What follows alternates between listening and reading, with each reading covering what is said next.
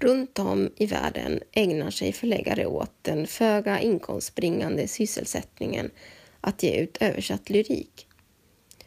Trots en allt mer avsmalnande bokmarknad tycks inte lyriköversättningarna bli färre. Vad beror det på? Och vilken betydelse har översättaren i denna kedja? Rom för översättning fick hösten 2017 besök av poeten, förläggaren och översättaren Matvej Jankelevich från legendariska Aglida Krimpress. I samtalet nämner han flera sydamerikanska poeter helt okända för en svensk publik. Från Sverige deltar Jonas Ellerström och Per Bergström, förläggare vid Ellerströms respektive Ramos förlag. Samtalet leds av Håkan Bravinger, litterär chef på Norstedts förlag, men även lyriköversättare och poet. Samtalet med titeln Att ge ut översatt lyrik hölls på engelska den 29 september 2017 i Rum för översättning. Arrangörer var Ellerströms, Ramos förlag och Kulturrådet. Varsågoda och lyssna. Vi delar ju det här rummet, Rum för översättning med Rum för poesi. En av initiativ, eller här, organisatörerna för det sitter här, Per Bergström. Och vi försöker liksom brygga över lite grann ibland också. Och det här är väl ett sånt Två, två som har, mm. En som har läst och en som ska läsa också. Vad sa du? En som har läst och en som ska läsa också. Exakt. Det, jag läst, det, är, ja, det här är en salig blandning av helt enkelt översättningsrummet och poesirummet som ni bevittnar. Eh, vi ska ha ett samtal om att översätt, ge ut översatt lyrik. Uh, and we have uh, this talk in English since we have a guest here Sorry. from the States. My fault. Matvej Jankelevich, uh, poet, translator and publisher at Ugly Duckling Press. We also have three publishers from Sweden, Jonas Ellerström from Ellerströms förlag, Per Bergström from Rámus, and not, last but not least, we have Håkan Bravinger, uh, now a senior at Norstedts, but also translator and a poet.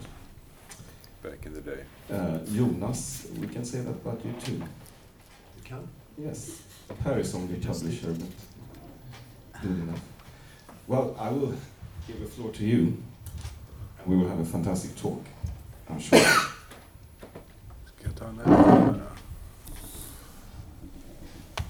Hello, everybody. Good morning. It's still morning, isn't it? I think we just should start with. Uh, I'm Håkan. You all, we were all uh, presented. Uh, could you just say a few words about Ugly Duckling Press, just so we know mm-hmm. before we start the talk? Uh-huh. Um, it's an uh, editorial collective. Um, mostly, it's a volunteer collective of editors. Uh, we publish mostly poetry. I'm sorry, is that too loud? Is that okay? Um, and we're a nonprofit, which is uh, maybe not something very common in other places. Um, and in the US, it's also a complicated thing to be a publisher and a nonprofit arts organization. Um, so, uh, is the nonprofit thing is that uh, is that meant to be or not meant to be? uh, yes, there are other presses that are for uh, technically for-profit presses, but are uh, make no profit.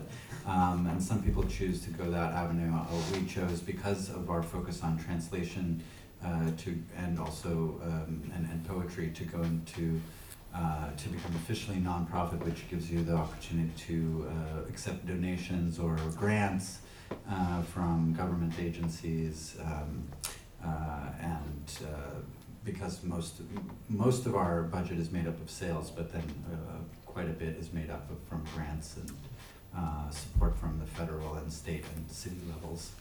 Um, so, uh, but we, yeah, we function as a collective and uh, have been around since, technically since 93. So we're celebrating 25 years soon. And um, uh, we publish a lot of American, US poetry, but also Latin American, Eastern European, some Scandinavian, and um, uh, from many languages actually, and uh, and also some artist books and performance texts and things like essay as well but for the most part, poetry. Mm-hmm. Yeah. yeah, and, and you brought some books yeah, along, and they're really beautiful. So it's really. Yeah, we're unusual in that we do some of the printing ourselves too. Uh, we have some old-fashioned letterpress equipment, so we also have a time for people to learn how to make books in the studio as well as uh, the publishing side of things. You're based in Brooklyn, Yeah. and just a few blocks away, one could say, from where the book business really has Yeah. its heart with all the skyscrapers and the big company, Knopf and Random House, and all, FSG and so on. Yeah. But are there many um, independent poetry publishers in, in, In that area? US, uh, in our area, actually in our building, we have uh, Archipelago, Mhm. which publishes world literature, um, mostly fiction, but also poetry. Um, incredible publisher. Um, and uh, also our, uh, another independent press called Akashic, which publishes um, a lot of uh, Caribbean fiction, uh, noir, all sorts of crime stuff, but also literary fiction hmm Well, just in our building. But yeah, and there are a lot of small presses in, in the States in the last 10, 20 years. It's been a bit of an explosion of, of small independent presses taking up, especially for translation and uh, literary fiction, uh, poetry, because uh, the big houses have mhm. mm, moved a little bit away from that kind of stuff. would that be the main reason, do you think, or are there other reasons for, for Um, this? Probably community increase? and um, uh, writers feeling like the the route through the agents and the big publishers is very limited. You know, it's it's it's this select few, and then there are many communities. For instance, Caribbean community in the U.S., which publishes many of them publish with uh, this small press Akashic, which is uh, pretty big for a small press, but uh, independent press. Uh, but that may not be a route for every community uh, Mhm. to the big publishers. So, uh, and poetry is a really big thing in the states now. Actually, um, there's so many creative writing programs. There's so many people coming out of uh, feeling that they are writers and trained to be writers, but they don't necessarily have a platform uh, or they're writing outside of certain norms. So. Mhm. I think small presses uh, emerge in that kind of environment uh, very naturally, um, mostly run by the writers themselves. Mhm. Well, the, the task uh, of our talk is to how come translated poetry is still being published, which is sort of like a provocative uh, question, but in a way it's it's it's a, s- it's a fair question, and we're gonna then move over into the role of the translator and later in the talk. But I think we already got started here. I mean, so state funding is not not on the table for you guys. Uh, it is. Uh, we have very small, uh, modest grants from the National Endowment for the Arts, which is uh, maybe going to disappear altogether under Trump, uh, or at least it's threatened because Mm-hmm. um, even though its budget is uh, smaller than that of the military marching bands. Um, but uh, it is our federal arts or arts funding organization. Uh, the side for literature is also very small in that um, um, compared to other arts. Um, but we also get funding from the state, uh, New York, uh, New York State Council, and it depends on the state. Some councils are very good about literature, uh, and a little bit from the city as Mhm. well. And those are actually bigger grants, but still they're they're pretty modest as far as European funding goes. And Jonas, you started your Ellerström a long time ago. How much can you relate to, to Matwei's story here about starting up and working with trans, translation and, and all, well, poetry? I think I can cut directly to, to your main question why does poetry still gets translated and published? And this microphone is difficult. I think, Uh, uh, but yeah. uh, I, so I just lean back, uh, and if you don't hear me, just raise your thumb or do anything. Uh, I think a lot has to do with the reason for Matvey being here. Poetry is uh, being the performance, the stage literary genre par préférence. Uh, there are so ma- ever so many poetry festivals. Uh, poets tend to travel, and so poetry became became a very international uh, literary form, and uh, one of, of the big influences on my publishing uh, publishing house was founded before that. But for 20 years, there were international poetry days in Malmö, that is in south of Sweden, uh, close to where I lived at the time, and where the publishing house still is. And there was a never-ending, steady flow of famous and less famous poets coming through the south of Sweden. And uh, I think the internationalization of poetry will necessarily mean poets meeting other poets, uh, poets meeting translators, poets meeting publishers. Uh, I think that is one of the main reasons because you don't, as a publisher, you don't go to Frankfurt looking for poetry. You won't find that many poetry publishers there or at any other international book fair. But everywhere around the world, in every city from Medellin, Colombia to Malmö, Sweden, you will find the poetry festivals, you will find translators, workshops, etc., etc. And I think that is so. The publishing of poetry in translation, to me, i it very often starts out on a personal level. Per, do you agree?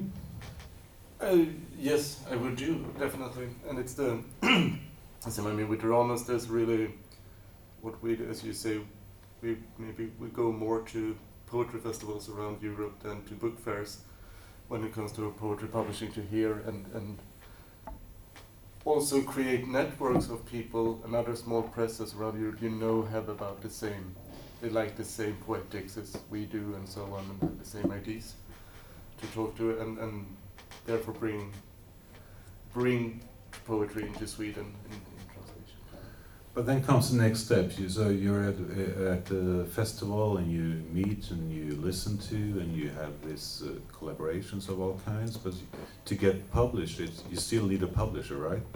And that's when when you when you guys come in. And uh, well, as was mentioned before, I mean, I, I step into all three costumes being a poet, being a translator, being a publisher, and there are many people like me. Uh, so that kind of comes naturally. I, I would say that we actually maybe we step very important roles, as I see what I do, is even later, because anyone with a um, InDesign in their computer or a letterpress in the cellar could make create a book and make a book, but as a publisher, we are the ones to make sure that it's financed, that the translator, even maybe not so much always, but get paid, and that the book finds its readers and it's not just handed out to among friends and other poets, but actually reaches an audience, and that's the hard work to, Mm-hmm. to do. For us, it's not, I mean, there are poetry festivals in the States. It's harder for US poetry publishers to get to the many festivals in Europe and Latin America. Um, there is some travel and c- conversation, uh, but for us, actually, a lot of the time it's the translators themselves that um, uh, we've kind of built a reputation of being open to translation. Uh, our list is more and more close to half and half, you know, translation and uh, English language work. Um, so um, people actually find us, or you know, we, we have open calls for translators, and we found out about poets we don't know through the translators, uh, more so than even in uh, the festival situation. Uh, and also historical work, work where the author is no longer alive. We publish things from across the 20th century, things that have never been translated into English. You know, we, uh, 10 years ago, we published Henry Parland, and there was no translation into English of, of Parland's work, and some name that's familiar here, but not there. So, and that was because of Johannes Göransson, uh, who Mm. who proposed this. We had no The idea there was a. Helsinki Dada, you know. so, and he is the translator. And uh, similarly, other people have proposed projects that fit uh, our interests that we, but we didn't know of the author uh, and their historical situation or uh, or the body of work. So. But if we have this uh, community, let's call it a commu- community, the poetry community, with festivals and you know you get to know each other and you translate each other, or in, in, but still there are some people that are not will not be connected to this community for different reasons. They don't like to travel, they don't like to hang out with other people, or whatever. They don't like to be on stage. So, so what do you say about that, Jonas? I remember uh, a person I was very impressed with, the Estonian poet in Oklahoma exile, Ivar Ivask, who ran the fabulous magazine World Literature Today. Uh, when being in Malmö and being in a panel much like this, uh, he confronted the idealism uh, and the camaraderie that you often get within the framework of a festival by bluntly stating that uh, you go from festival to festival, you will meet often the same poets, and always you meet the same kind of poet, no matter from what country, from what language area they come. And they have two characteristics. A, they are translatable, meaning they write in an idiom that is easily adapted, adopted, adapted to other languages, uh, which, for instance, would be an explanation that the diction of Thomas Tranströmer, however subtle uh, the meanings are, the diction will translate into a lot of other languages. Whereas, for instance, uh, a poet who was a friend of Tranströmer's, Bengt Emil Johnson, is would be a lot to me. I, I would assume he would be a lot more difficult to translate. So Ivar's first characteristic, a poet has to be translatable, and B, uh, he has to be invitable. He or she has to be invitable, meaning they will they will have to behave a bit. They can be a bit bohemian, but the, these days uh, you no longer you no longer drop your, your cigarette butt into uh, the wall-to-wall carpeting where a minute before you dropped your bottle of vodka, meaning that this hotel in Hungary will burn to the ground. You don't do these things anymore. We have, we have become more civilized.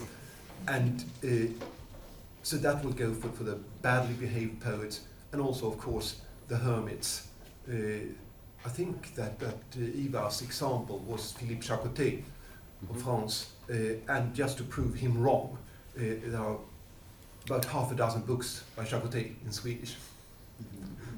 It is. I think when it comes to being invitable, that's when you reach a certain. It goes away when you reach a certain level or reputation. Like Bas Kwakman, the director of Rotterdam Poetry Festival International Poetry, just published a book with, I think, 82 short essays about or memories from different poetry festivals where he travels, and uh, you can see that there are some not very nice poets. Like you read that book and all of a sudden, oh, I don't feel like reading that poet again.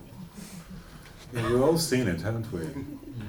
Yeah. But I think I think it's a very very true, and this uh, the in my mind the more important part of that is the the translatability issue. Uh, what's interesting to many translators, to myself included, is is to work with what is most difficult to translate, and that's why many translators turn to poetry for this particular kind of challenge, uh, for a particular kind of uh, seeking of, of, of a language that that is new in the in the in the target language, uh, something that will introduce or push, let's say, the English language. If I'm translating into English, push the English language into new areas or do something different with it.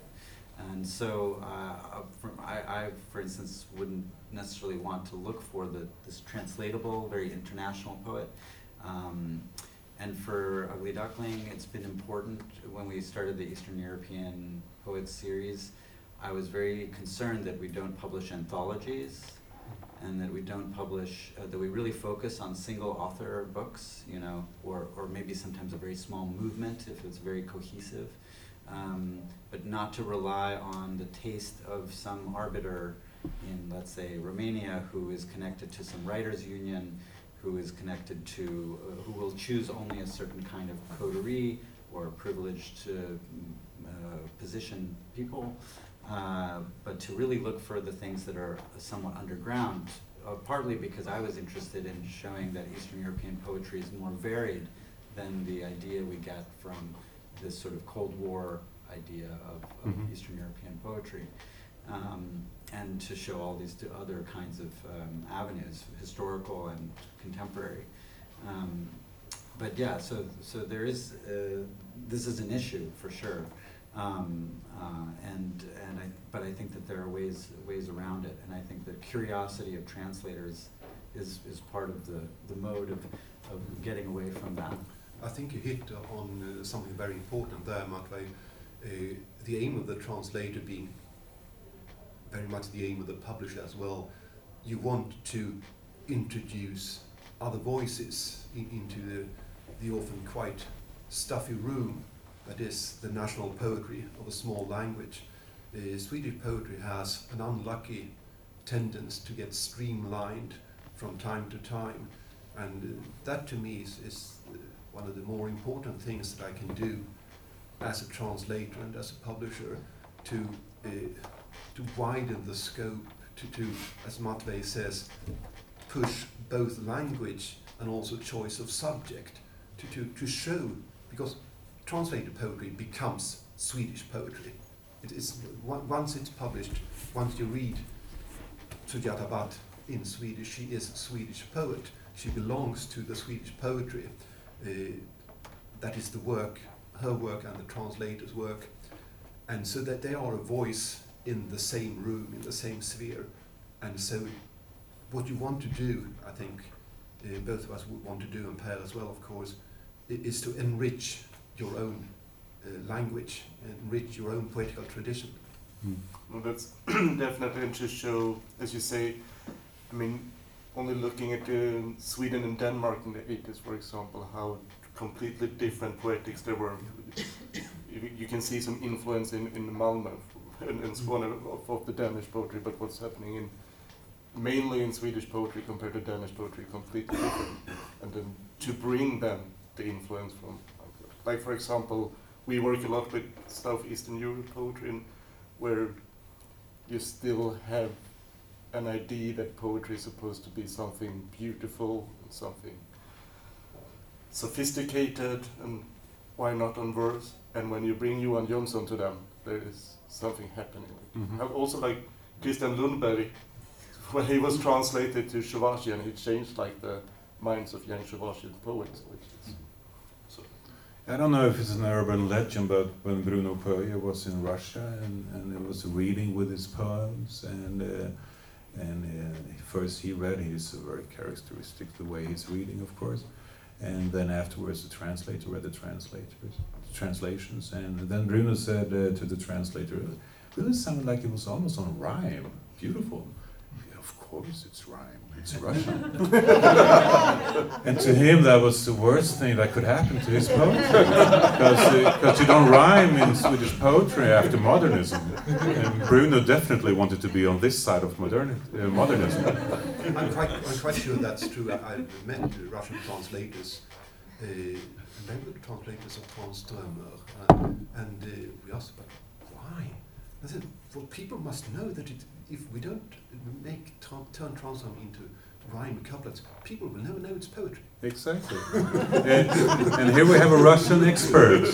I mean, have you, you have translated from Russian uh, yes. poetry too? So, yeah. so what do you say about this well, it, specific a, it is a predominant view, and it's still actually a very, still kind of contentious, but uh, over the last 30 years, things have changed quite a lot in Russian poetry. In a good way. So there, there are wonderful translations of Michael Palmer from the U.S. or uh, into Russian that don't make the language poetry or this kind of mo- very postmodernist poetry into a rhymed or poetry. So it, it has, it has but, gotten better. But that would lead to what Jonas was talking about earlier. I mean, to enrich the, the, the local poetry. Mm-hmm. Has this view, in a way, enriched the Russian poetry, would you say? That you could actually write poetry without writing? Yeah, I think. Well, I think. Um, I mean, it, it, certainly had started earlier, but the, there was a, there has been a lot of um, scholarship and uh, talk about uh, the this interesting moment in the '80s uh, where there were a number of American poets going to Russia, and the kinds of poetry that emerged from those, both for both sides, very uh, very interesting influences. Um, Parshikov uh, meta realists, um, but also even uh, contact um, with, with uh, their contact with people like Lyn Hejinian and Michael Palmer and so forth. Um, may created uh, created some oh, created some some new things in Russian poetry, not very well accepted um, in that time officially, uh, but slowly, uh, you know, especially after the 80s. Uh, a lot of that work has been published, and uh, those are the sort of some of the major figures of Russian post, you know, uh, sort of postmodern poetry. They have definitely a connection with the Americans in that way, maybe um, some with the French also, and but you know everything is uh, these these are contingent historical kind of moments that actually change what happens in the poetry, and they were translating each other. And I think so. I think there was a lot of influence mutually. Jonas mentioned two Swedish poets, Tranströmer and uh, Bengt Emil Johnson. We could we could uh, uh, compare Tranströmer perhaps with uh, Göran Sonnevi, because he's uh, he must be a nightmare to translate, uh, in my view. Uh, but are there any? He has a very dedicated translator into American He English. has, he has. I, I- I know, but but still, if you look at the, the the stature he has in Swedish poetry for such a long time, you you would you would think there were there would have been more translations around the world. But still, you can always have those uh, third dedicated translators, which we're all happy for. But are there any Russian you feel like uh, he or she is really not translatable, but one day I will, one day I Uh, will we're publishing a book of translations of Dmitry Prigov, who was, uh, I don't know if he's known here, but quite well known in Germany. Um, Moscow conceptualist poet, um, but wrote in so many different styles and really kind of has an incredible body of work, uh, th- thousands of poems. Um, and uh, it's difficult. There's a lot of social context, uh, historical context that is very hard to, and the, the, the humor is bound up with Soviet, you know, the Soviet moment, and so it's, it is very difficult. But I, I think there are, that I'm, I'm really happy that there, there will be an opportunity for people to read the work, and hopefully it will come with enough infrastructure in the book to make it possible to make some kind of connection with it. Um, But so much depends on the translator um, and the editors often, I think, because for us, we edit, we, I, I edit a lot of translations and my colleagues actually work with the translator to find ways to improve the translation before it goes to print. Um, question, even when I don't know the language, you know, asking, asking questions about, well, what, what's going on in the original if it's not clear to me wh- why choices are being made. Because if the translation doesn't transmit that as something, uh, it's, it, it can be, the words might be there, but you don't, you may not get the readership. uh, But ob- obviously, the translated poem has to be an American poem or a Swedish poem. And uh, I would like to add one factor uh, to the question of, of what poets get translated. Uh, you have to uh, take into account the various translate national translation grants, uh, translation programs. Uh, if you look at it fr- from, from a sort of almost sociological, statistical point of view, there has been for a period, uh, there was a lot of Catalan literature translated into Swedish, and uh, we did a couple of things as well, both poetry and uh, medieval mysticism Ramon Llull. Uh, and why was that? Uh, it had its contemporary political. Cat- Catalonia was an, an interesting area. A lot of things happening culturally and politically, but they had a translation program that they had very, very, their forms were very easy to fill in. Uh, you, you could do it i- in an hour, whereas uh, programs that would guarantee you bigger sums of money, like the European Union's translation program, it was a nightmare. It would take one of my editors a week to fill in this, and that would mean basically, well, okay, it's more money, but that's one week of work for an editor to put into it. And but so, so but th- that is a case in point, I think. Small countries with a strong linguistic tradition, Ireland, Catalonia, there are other examples, they will work very hard to get their literature translated, and that will reflect, uh, and that will cause some, some statistical bumps. Uh, not, with Catalan poets are very good. I'm happy to have them here, but there are so many other languages that are not represented because they don't have the same kind of push. The same reason that yeah we don't have actually not a lot of contemporary U.S. poetry is translated, and the reason we don't have a lot of contemporary poetry from the UK is not only because they still write a lot about meadows and not so much else. It's don't have a program for it in, in and while you see Romania is also a perfect example that annually have a translation workshop in Sweden where they put one Romanian poet together with a Swedish poet to work together and Uh, even th- three Swedish poets, Yeah. three Romanian poets, works very well. And who decides who's going to come to be invited of the Uh, authors? the Romanian Cultural Institute in Stockholm. You all represent uh, independent uh, small press uh, uh, with a with a big uh, poetry uh, collection included.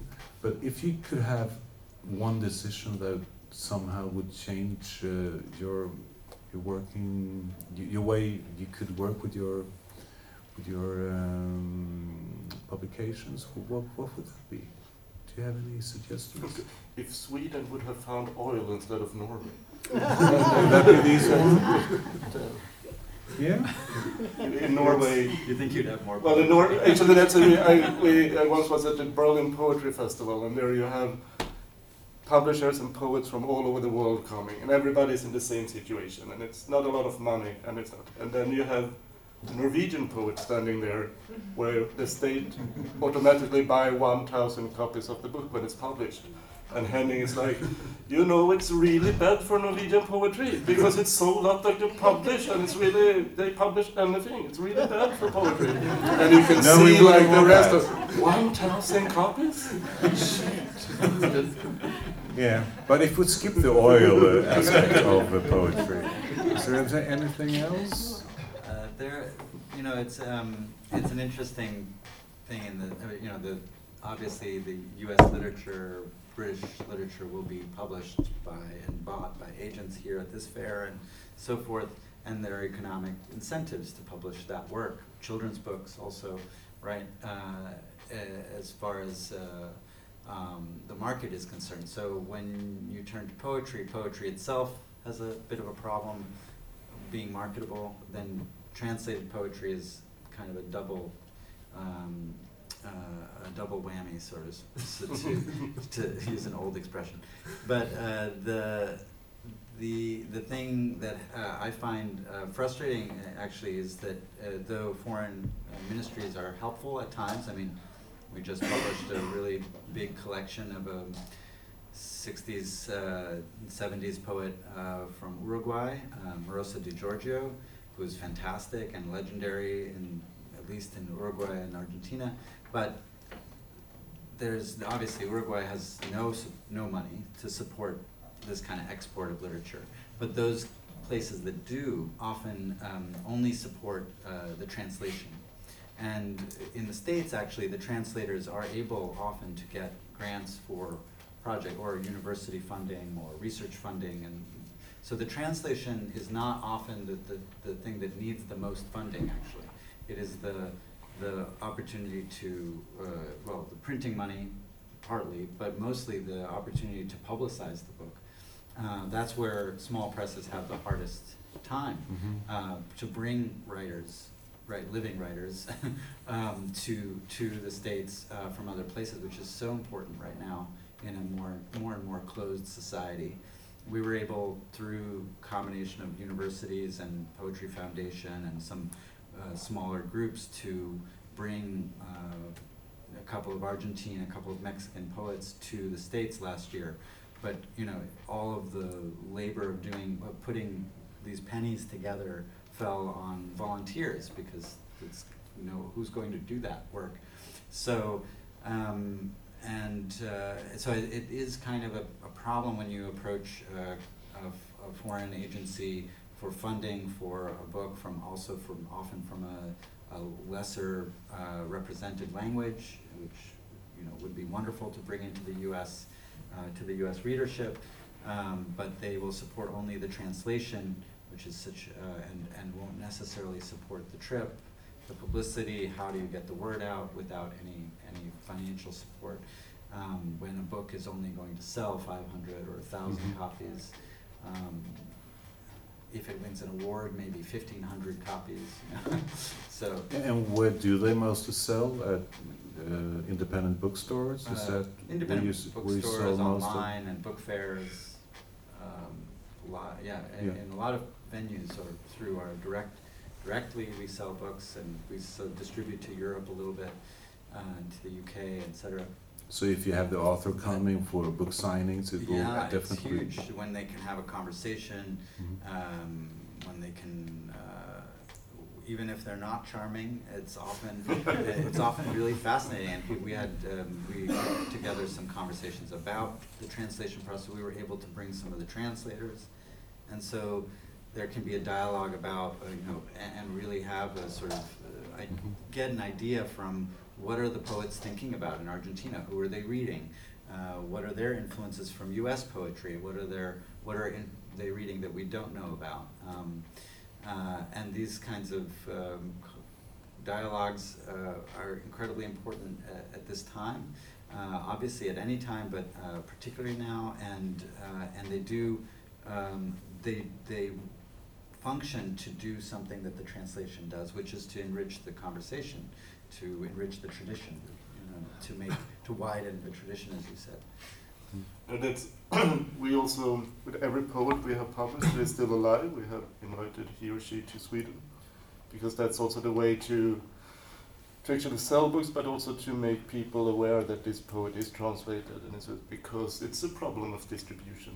It's um, I mean, since the I grew up in a small town, and of course the bookstore there even then will not have a very good poetry selection. Mhm. And now it's also the poetry shelves also has to be smaller and smaller at the libraries in the countryside. So So how is it possible to invite like an American poet? Because I know you have done so. I mean, because you cannot go to the American uh, cultural department because there is none.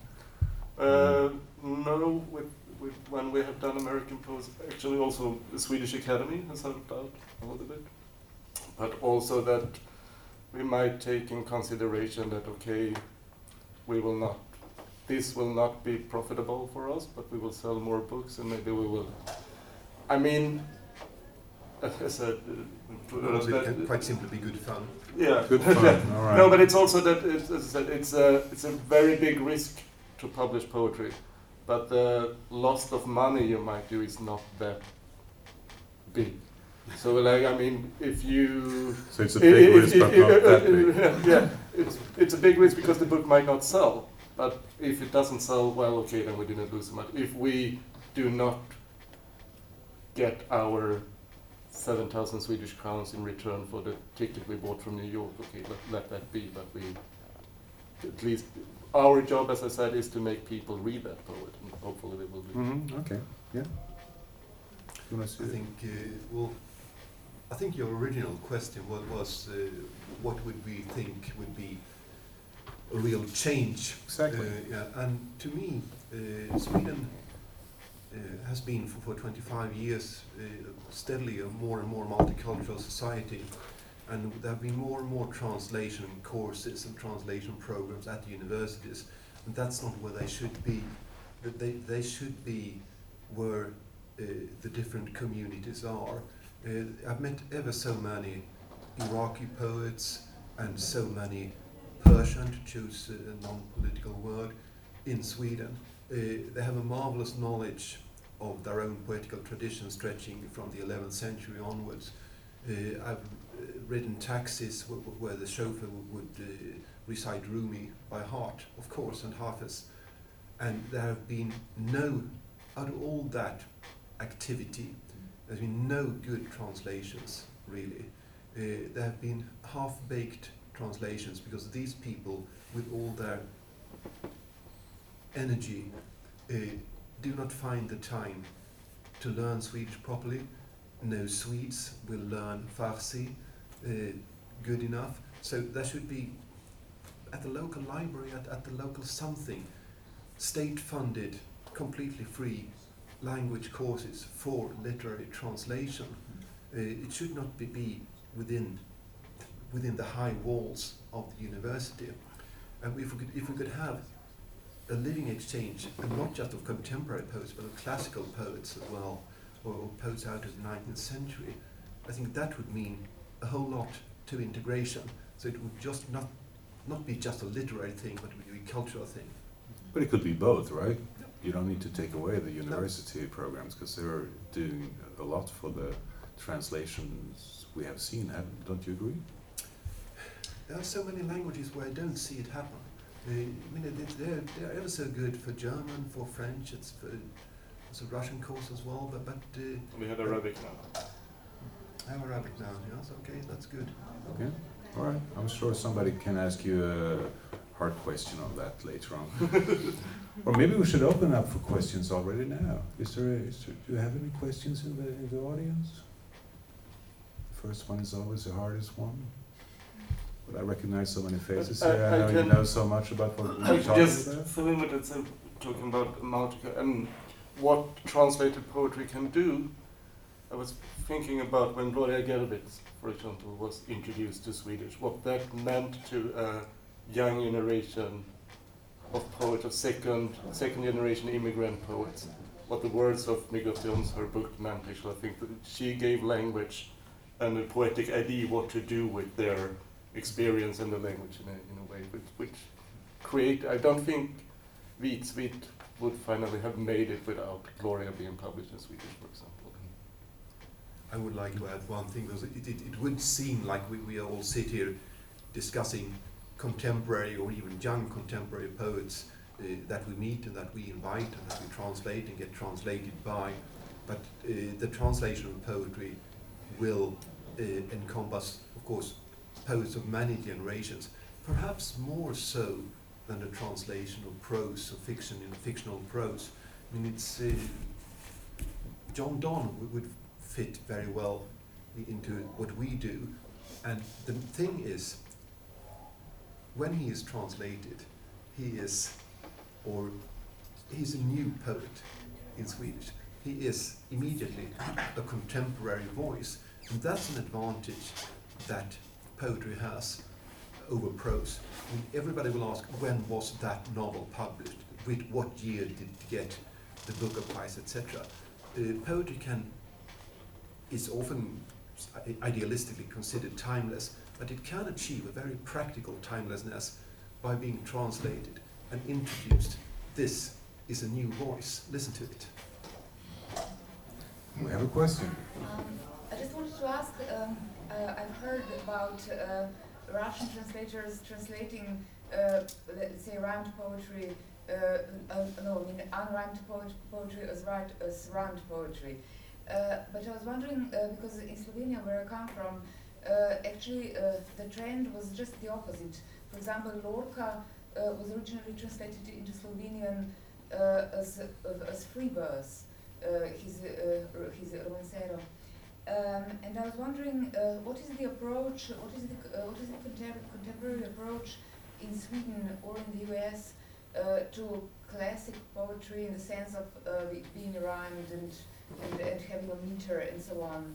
Uh, is there a tendency to, to preserve the form or is there te- uh, a tendency to be more, um, I, d- uh, I don't know, to, to, to, to be more free and maybe uh, I don't know use free verse or Well, that's a tricky question.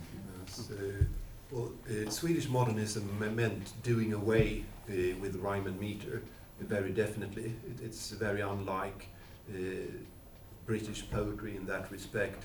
Uh, these days, uh, we see a lot of translators, a lot of younger translators, wanting to try their hands with, with uh, rhyme and meter, and then we have the old masters that are able to tackle John Donne and wouldn't dream of doing it without the rhyme and meter.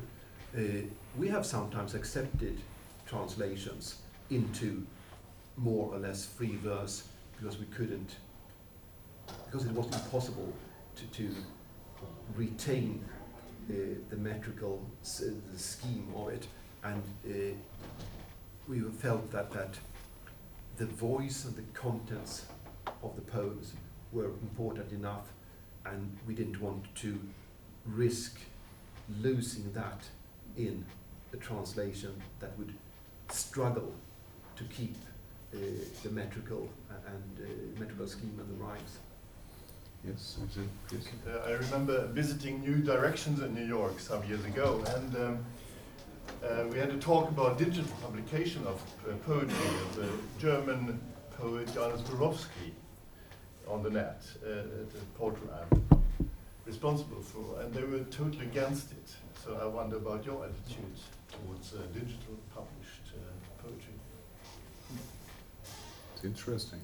I, I don't see why they would, would be against it, but uh, we, we do, I mean, I think the, the internet has actually made possible a lot of uh, the new small press uh, kind of wave uh, that's happened in the last fifteen years. That's made it possible for people to um, communicate more uh, over larger distances.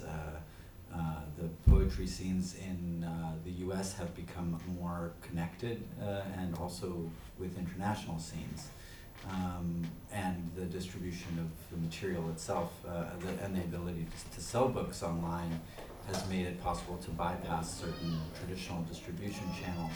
So all of that has strangely this very paper-oriented, uh, you know, production has been very, uh, very much uh, entwined with the with the web, and uh, we do some digital-only projects uh, that are like try to use the web in uh, particular, and some people do very very beautiful projects that are po- specifically poetry projects for uh, reading on the web uh, that involve either randomization or different kinds of visual things.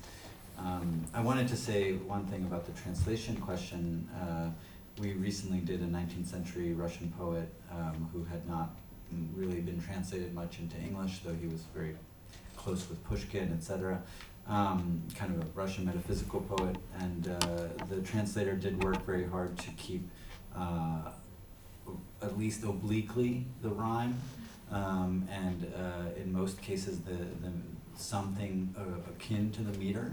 Uh, but the problem always was that if it was too perfect, it would distract uh, the reader. It seemed from from the the voice uh, and the, the the metaphysical content to looking at the proficiency or the mastery of the translator in tackling some kind of complicated rhyme scheme. And I find that, especially in bilingual editions, which we do many of, that sometimes what happens is then there's this idea of comparison.